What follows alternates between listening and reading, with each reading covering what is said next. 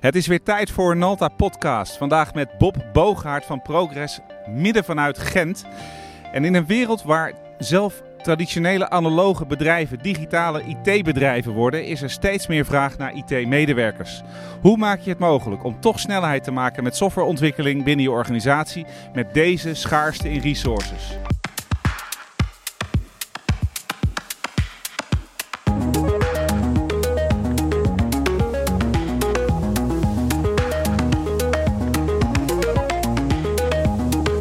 Dit is Nalta Podcast, aflevering 15, opgenomen op woensdag 17 juli 2019. To code or not to code? That's the question. Nalta Podcast wordt je aangeboden door Nalta.com, uw partner voor het bouwen van platformen voor IT en digitale transformatie en natuurlijk ook softwareontwikkeling.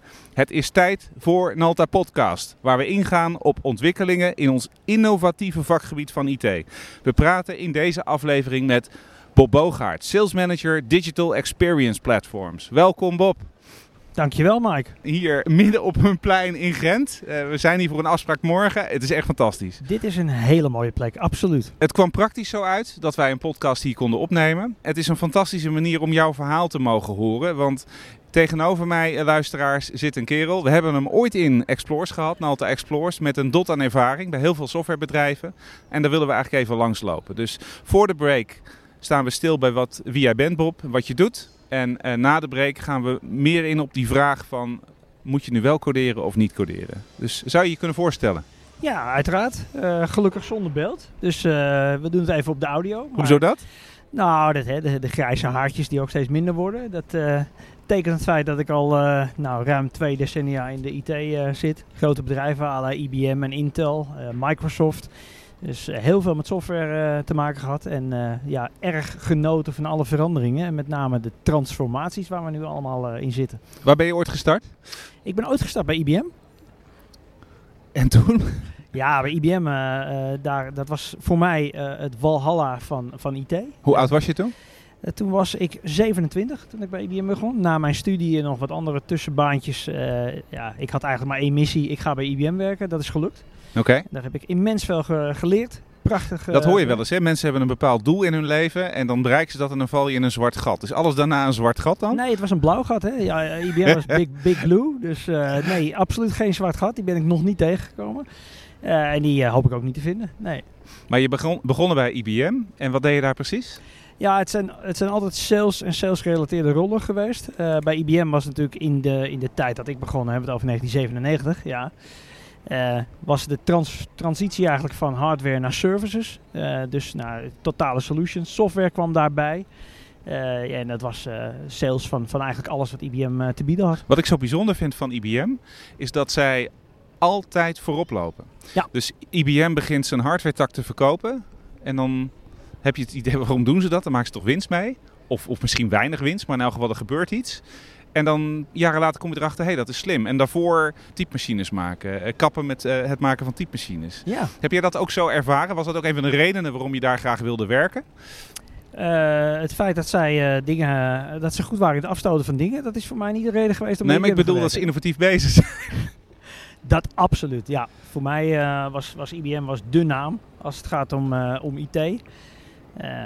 Zeker vanuit het verleden. Uh, de, de, historie van, uh, van computer science is IBM natuurlijk de grote naam geweest. Uh, dus dat, dat heeft mij altijd getrokken. Dus innovatief bezig zijn. En dat kan je alleen maar doen als je een hele duidelijke strategie hebt. En die hebben zij. Wat ben je daarna gaan doen? van, van IBM ben ik, heb ik eerst een, een tussenstapje gemaakt via de hardware bij Intel. Waar uh, Intel op dat moment ook in de transitie zat van, uh, van eigenlijk de, de traditionele processoren waar we ze allemaal kennen natuurlijk, naar de, de technologie voor de internet. Eh, dan hebben we het over de eind jaren 90. Mm -hmm. Zij waren zich voor aan het bereiden op de, de datacenters die nodig zijn voor, voor internet. Uh, en daar heb ik uh, een, een, hele mooie, prachtige, leerzame periode mee, mee, mogen maken. Intel komen we eigenlijk nu ook weer heel veel tegen. Niet zozeer als zijnde de processorfabrikant, maar een partij die heel veel kennis en expertise biedt uh, in het vak van Internet of Things, waar wij heel actief zijn. ja. Het is een hele fijne partner, moet ik zeggen. Maar een beetje doorspoelen, waar zit je nu? Ja, nou, een klein pauzemomentje nog. Want in die, dat moment bij Intel ben ik eigenlijk voor het eerst met Nalta in aanraking gekomen. Ah, nee toch? Eind, eind jaren 90 hebben we het hier over. Toen, toen deden we al dingen samen, ja. Maar als jij wil doorspoelen, doen we dat. Uh, dus ik ben toen de overstap naar software gemaakt. Via Business Process Management, integratie, een uh, aantal jaren gedaan. Supply Chain Management. Uh, zo ben ik bij Microsoft terechtgekomen. en daar uiteraard heb ik weer het walhalla van de softwarewereld mogen proeven. Microsoft is een heel bijzonder bedrijf. Is natuurlijk tig keer al getransformeerd. In welke periode zat jij daar? 2008 tot 2013. Dat is wel het moment zeg maar, dat cloud voor hun steeds belangrijker werd, of niet? Cloud werd geïntroduceerd, uh, ja absoluut. Ik heb daar de eerste, de eerste wat toen nog, wat nu Office 365 en Azure heet, die eerste contracten nog mogen sluiten in, in onze regio. Ja. ja. Als u uh, wat, uh, wat volk hoort op de achtergrond, dat zijn toeristen die hier rondgeleid worden door het centrum van Gent. Over twee dagen gaat het helemaal los in Gent hier en wij zijn dan net weg. Dus we hebben een, op een of andere manier vreemde timing gekozen. Nee, we zijn hier gewoon lekker aan het werk. Zo is um, het. Het onderwerp waar we het vandaag over hebben is dat software stuk. Uh, en meer specifiek, moet je nou wel maatwerk software ontwikkelen? Gewoon vanuit uh, misschien wel een, een, taal als C of C++. Of moet je een, een, taal gaan gebruiken die het jou heel makkelijk maakt om software te ontwikkelen? Waarvan we zo meteen een aantal voorbeelden gaan noemen. Um, de reden waarom je iets gaat doen in de IT is vaak omdat er een probleem is. Je wil een probleem oplossen. En een van de redenen waarom low-coding omgevingen steeds uh, populairder worden, is, het heeft alles te maken met de arbeidsmarkt. Um, we zijn allebei heel wat jaren actief in dit vak. En uh, je ziet eigenlijk dat IT steeds populairder wordt als baan. Uh, en ook steeds meer gevraagd wordt om te werken bij een IT-bedrijf. Wat zie jij gebeuren in die arbeidsmarkt op dit moment, Bob? Ja, ik denk dat de arbeidsmarkt één van de twee grote krachten is die spelen. Uh, de andere kant van de, van de krachten die heel erg speelt, is de toenemende complexiteit van, van software. Mm -hmm. uh, de, de, de wensen of verwachtingen of eisen, hoe je het ook wil noemen, van de, de hedendaagse consument, maar ook de zakelijke gebruiker, die zijn uh, extreem aan het groeien. Elk moment dat een consument weer in aanraking komt met een mooiere ervaring, voor het eerst een booking.com en noem, noem maar de voorbeelden op dat moment liggen de verwachtingen, ligt de lat weer hoger. Dat betekent als wij als technologie sector constant mee moeten gaan in die extreme verwachtingen. Dat enerzijds. En anderzijds inderdaad een, een extreem tekort aan, aan technische resources. Of het nou developers zijn of designers of data scientists. De, de schaarste wordt alleen maar groter. Dat is wel een terugkerend thema, ook in de podcast, ook in de video's. Is hoe onwaarschijnlijk snel uh, IT gaat en niet alleen de nieuwe producten, maar vooral ook de adoptie van die nieuwe uh, producten. Ik, ik, kan me herinneren, en dat moet ongeveer 20 jaar geleden zijn, echt wel een aantal jaar geleden, dat ik op een plein was in Utrecht, is dat ik een gratis krant kon krijgen. En om die krant mee te nemen moest je je gegevens achterlaten. En ze hadden je adres nodig. Dus ik gaf mijn e-mailadres. Ik had toen een e-mailadres. Nou, dat, dat, daar snapte ze helemaal niks van. Wat is een e-mailadres? Ik, dat moet het jaar 2000 geweest zijn, of e-, eind uh, uh, jaren 90. En tegenwoordig, e-mailadres is eigenlijk alweer oud. Het is eigenlijk gewoon outdated om te mailen. Je, je appt. En als je kijkt wat we om ons heen hebben gekregen aan, aan techniek. Als je naar links kijkt, uh, zie ik hier een, uh, een stoplicht.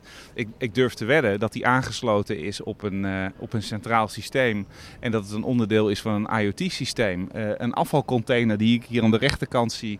Die ongetwijfeld gekoppeld is aan het feit dat ze kunnen detecteren of die vol of leeg is. Zodat er een vrachtwagentje moet komen aanreiken. Techniek zit echt werkelijk om ons heen. En dat is zo bizar om te merken. Ja, eh, helemaal eens, absoluut. Dat is één van de factoren die die complexiteit zo doet groeien. Want enerzijds zijn al die uh, devices, zoals we die noemen, uh, dingen die zijn geconnecteerd. Data is geconnecteerd, mensen zijn geconnecteerd. Uh, maar het gevolg daarvan is dat we dus steeds meer data aan het collecteren zijn. terwijl we eigenlijk nog helemaal niet weten hoe we met die data kunnen omgaan. Hoe we daar waarde uit kunnen halen. Mm -hmm. Ja, dat is gewoon een, een continue zoektocht. En daar doen we vanuit Nalta en jullie natuurlijk vanuit Progress ook graag aan mee. Um, dus die arbeidsmarkt die is aan het uh, veranderen. Um, de, de, de vraag naar IT, mensen, neemt alleen maar toe. En dan hebben we het over mensen die de vertaalslag kunnen maken van uh, business naar IT. Dan hebben we het over programmeurs, dan hebben we het over storage engineers. Je kan het zo gek niet bedenken of er is vraag naar. Wat heeft dat voor weerslag op de projecten die jij draait vanuit, jou, uh, vanuit jouw rol? En wat voor type projecten zijn dat? Kan je daar eens mee starten? Ja, nou de projecten die, die wij doen, die hebben heel veel te maken met deze schaarste. Dus eigenlijk is het sleutelwoord van de, de klanten waar wij met werken, is productiviteit. Uh, we komen straks natuurlijk op de thema's à la low-code, no-code, et cetera. Maar alles draait eigenlijk om die productiviteit. Hoe ga je met die schaarste uh, aan, aan resources de productiviteit genereren die je nodig hebt om de ervaringen te bieden die je klanten verwachten, om die connectiviteit uh, te kunnen creëren, die data te kunnen collecteren, analyseren, et cetera. Dus productiviteit is eigenlijk het sleutelwoord. Hoe kunnen we zorgen dat de, de mensen maximale waarde kunnen creëren met, uh, met minimale tijd en resources? Oké, okay, dankjewel. Um, voordat we naar de break gaan, uh, zometeen gaan we verder inzoomen op die vraag van hoe ziet nou zo'n low-code platform eruit? Moet je dat nou wel of moet je dat nou niet gebruiken? Uh, wat voor voorbeelden kunnen we daarvoor geven? Na de break. Want to grow your business and take it to the next level? Well, here we all are, and we're going to show you how through hard work perseverance, and a little help and know how, you can take things to the next level and push the success of your business even further. Let's get going. Oké, okay, Bob. To code or not to code? That's the question. Ja, en het is een prachtige question. Het is een uh, zeer relevante vraag. Hij is wel een beetje corny, moet ik zeggen. Nee, vind ik niet. Vind ik niet. Ik had hem zelf willen bedenken, maar je was me net voor. uh, hij is gewoon goed. Maar wat is het antwoord? Ja, het antwoord is, uh, ja, dan, kom je, dan verval je eigenlijk in de, in de meest vreselijke consultancy-achtige antwoorden It depends. Nou, hier luisteren mensen naar, zeg maar, die uh, houden van onze praktische inslag. Ja. Nou, kijk, de vraag is zo relevant dat uh, vanuit Progress hebben wij recentelijk een survey gehouden onder meer dan 5.500 developers. Wereldwijd? wereldwijd, ja. Hè, wat vinden we van low-code platformen? Wat kunnen wij mee? Wat is de waarde? En wat zijn de, de, de, bezwaren ook die ze tegenkomen? En er zit natuurlijk een hele grote strijd nu in de markt. Want er is heel veel trend, heel veel hype rondom low-code, no-code. Mm -hmm. platformen die, uh, die de afgelopen jaren gigantisch gegroeid zijn. Uh, met de belofte van de citizen developer. En wat, wat, sorry? Ja, de citizen developer. Sorry dat ik, als ik in jargon vervraag. Maar uh, het thema van Citizen Developer is dus dat de, de, eigenlijk de business uh, gebruikers, de, de niet-technische mensen, hun eigen apps kunnen bouwen. Om het even heel simpel uit te drukken. Dus de business bouwt zijn eigen applicatie? Ja, ja. zo moet je het eigenlijk uh, zien onder het fenomeen Citizen Developer. Dus de, de burger of de, de medewerker die niet uit de IT-afdeling of de developer achtergrond heeft, zonder te coderen kan zijn eigen app bij elkaar klikken en slepen. Mm -hmm. Uh, dat is de, de no-code uh, benadering die we gezien hebben. En die is gedreven vanuit die schaarste. Uh, logisch, want de IT-afdeling ziet alleen maar meer vraag komen vanuit de business. Want wij willen, wij willen nieuwe apps, we willen een nieuwe webapplicatie, we willen een nieuwe website, et cetera. We willen nu een chatbox of een chatbot. Ehm, maar hebben niet de resources om aan die vraag te voldoen. Dus bedrijven zijn op zoek gegaan naar hoe kunnen we toch aan die behoefte voldoen het zelf bouwen van apps. Uh, met dit soort low-code platformen. Er zijn ongelooflijk veel partijen die een dergelijke oplossing bieden. Er zijn er een aantal die al heel lang actief zijn. Een paar die je kan opnoemen is uh, Betty Blocks, Mendex, OutSystems. Dat zijn voor mij namen of producten die direct bij me opkomen. Als je kijkt naar Progress, waar zitten jullie met, met, met de oplossing die jullie bieden? Nou, in den basis uh, richten wij ons niet op de, op de niet-developers, zeg maar. Dus eh, simpeler uitgelegd, wij richten ons op de professionele developers. Dat is onze markt, doen we al sinds 1981. Uh, wij bedienen developers, die maken software met onze technologie. Uh, het hele fenomeen rondom low-code, no-code heeft ons wel geholpen in hoe kunnen we nou onze developers communities en dat zijn er miljoenen die onze technologie gebruiken. Hoe kunnen we die meer productief maken? Dus hoe kunnen we die de tools geven en de, de basics geven qua connectiviteit? Hè? Delboomi is natuurlijk een prachtig voorbeeld van hoe je met een, een low-code benadering heel snel je, integri of je integratieproblemen kunt oplossen. Dit zijn precies de zaken waar developers heel veel tijd aan kwijt zijn. Uh, en we hebben het over soms wel meer dan 50% van de tijd die een developer spendeert, is gewoon het maken van interfaces.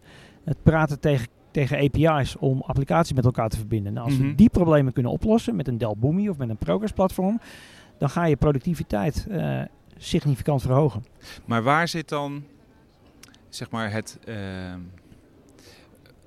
de beslissing om wel of geen gebruik te maken van een dergelijke oplossing. En, en ehm, ik vraag dat ook zeg maar, met een gedachte in het achterhoofd. Want de belofte van een, een oplossing die rapid development biedt. Dus je, kan, eh, je hebt een business case, je hebt een, eh, een, een vraag vanuit de business. Wij willen uh, applicatie X. En ehm, we willen hem ook snel hebben tegen lage kosten en flexibel. En je, de enige oplossing om het binnen dat window van, van tijd te realiseren is een low-code oplossing. Dus je gaat bouwen in een low-code oplossing. En op het moment dat je die, uh, die oplossing hebt gebouwd, dan zegt de business: ja, maar ik wil eigenlijk ook nog optie A en ik wil optie B. Uh, ik wil toch nog een beetje tweaken in, in de manier waarop die applicatie zich gedraagt naar de gebruiker toe. En de ervaring met oplossingen die gebouwd zijn in het verleden, is dat je die flexibiliteit dus niet had. Dus het probleem was dat je een applicatie had, die had je wel redelijk snel gerealiseerd. En die kon worden gebruikt en daar kon je geld mee maken. Maar op het moment dat het wat ingewikkelder werd, dan moest je toch terug naar maatwerk software.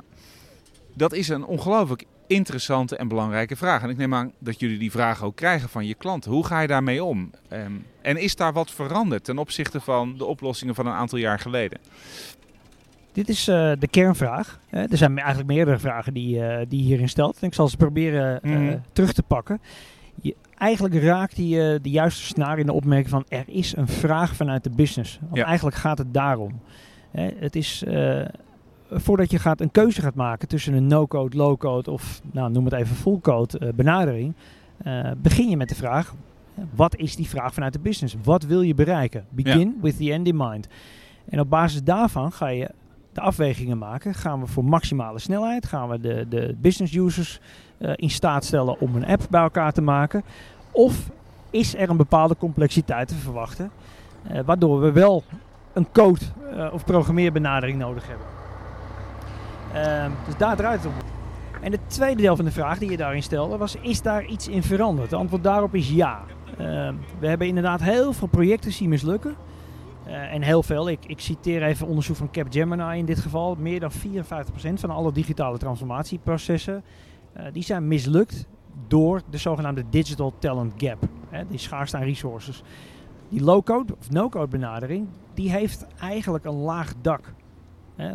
Probeer het even voor je te stellen, maar je zit vrij snel aan, aan de grens van wat er mogelijk is. Je noemt het zelf al, dan heb je toch weer maatwerk nodig. Ja.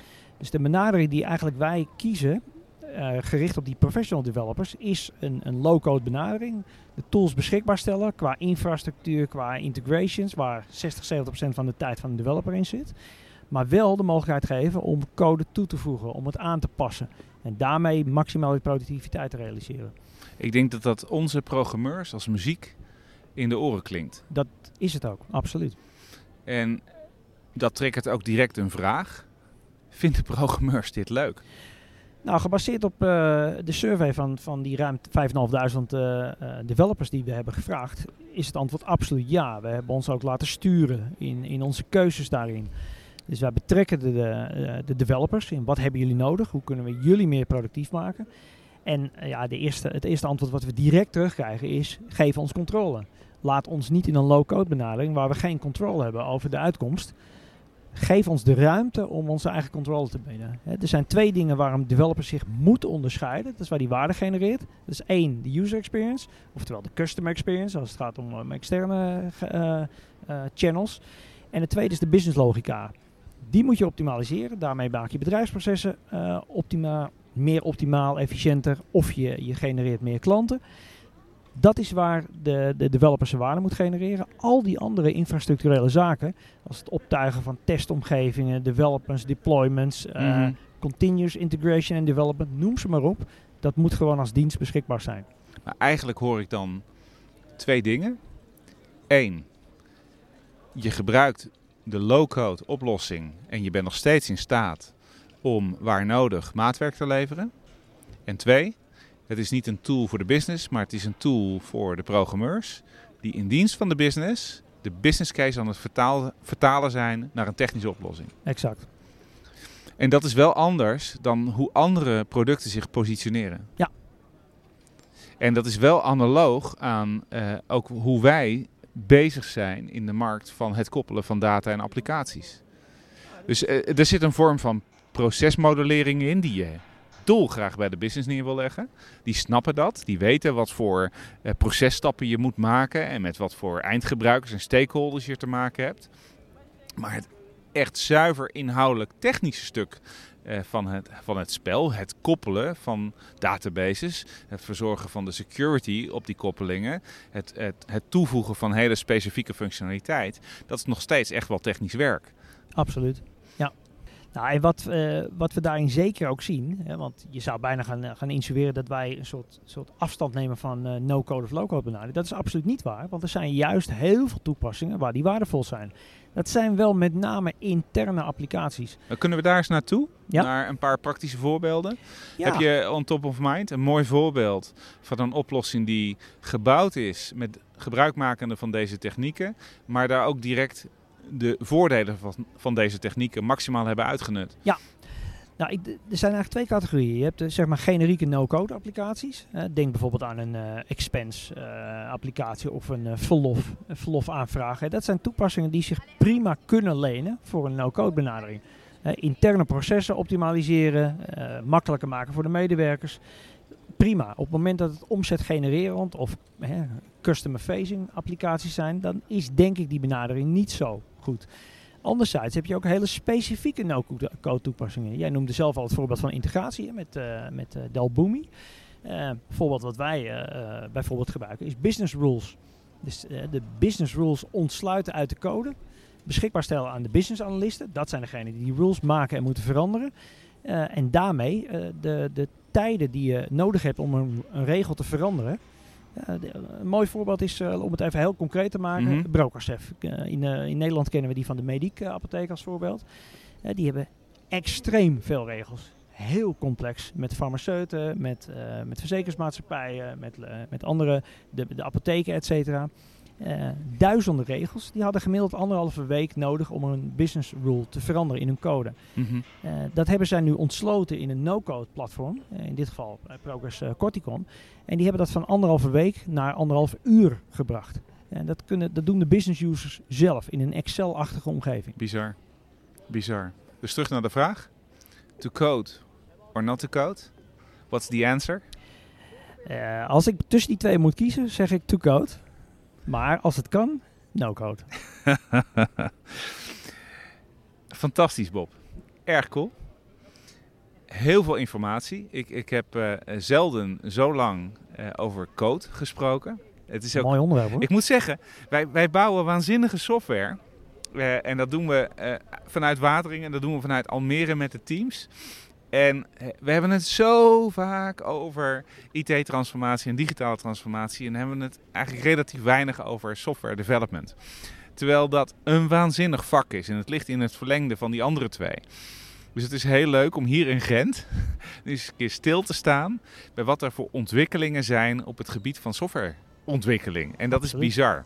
Voor de luisteraars, Bob, heb jij nog een. eh, wat is nou een beste next step die ze kunnen zetten? Nou, ik denk de beste next step is eh, waar we het eigenlijk al over hadden. Hè. Begin with the end in mind. Kijk, kijk goed naar wat de business nodig heeft. Probeer zo goed mogelijk in te schatten. En laat je ook adviseren hè, door partijen eh, zoals Nalta. Die hebben daar verstand van. Is dit iets wat je met een no-code benadering kunt doen? Dan moet je het absoluut doen. Hè. Eh, de, de kortste time to market. Maar besef heel goed dat je één eh, beperking hebt in wat je echt kan doen.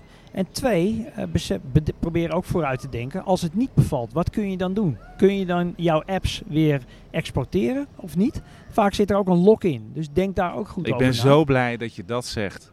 Want dat is echt een eerlijk antwoord. Die lock-in. Die lock-in is heel gevaarlijk. Hè? En dat onderschatten heel veel bedrijven. Dus hoe zorg je ervoor dat iets wat je hebt gebouwd uiteindelijk voor jou blijft werken, niet in een lock-in terechtkomt en op het moment dat je bedrijf in één keer explodeert van eh, eh, misschien wel duizend gebruikers naar 10.000 gebruikers, dat je dezelfde oplossing kan gebruiken of dat je hem uit de oplossing kunt trekken en kan schalen op een andere manier. Durf dat te vragen. Durf dat te vragen aan je leverancier. Wat als, als het niet bevalt? En we zijn twee jaar verder. We hebben, we hebben 30 apps gebouwd in jullie platform. En het bevalt niet. Kunnen we dat exporteren? Is het open source? Kunnen we dat naar een ander platform brengen? Kunnen we het in-house brengen? Stel die vraag. Heel krachtig, dankjewel.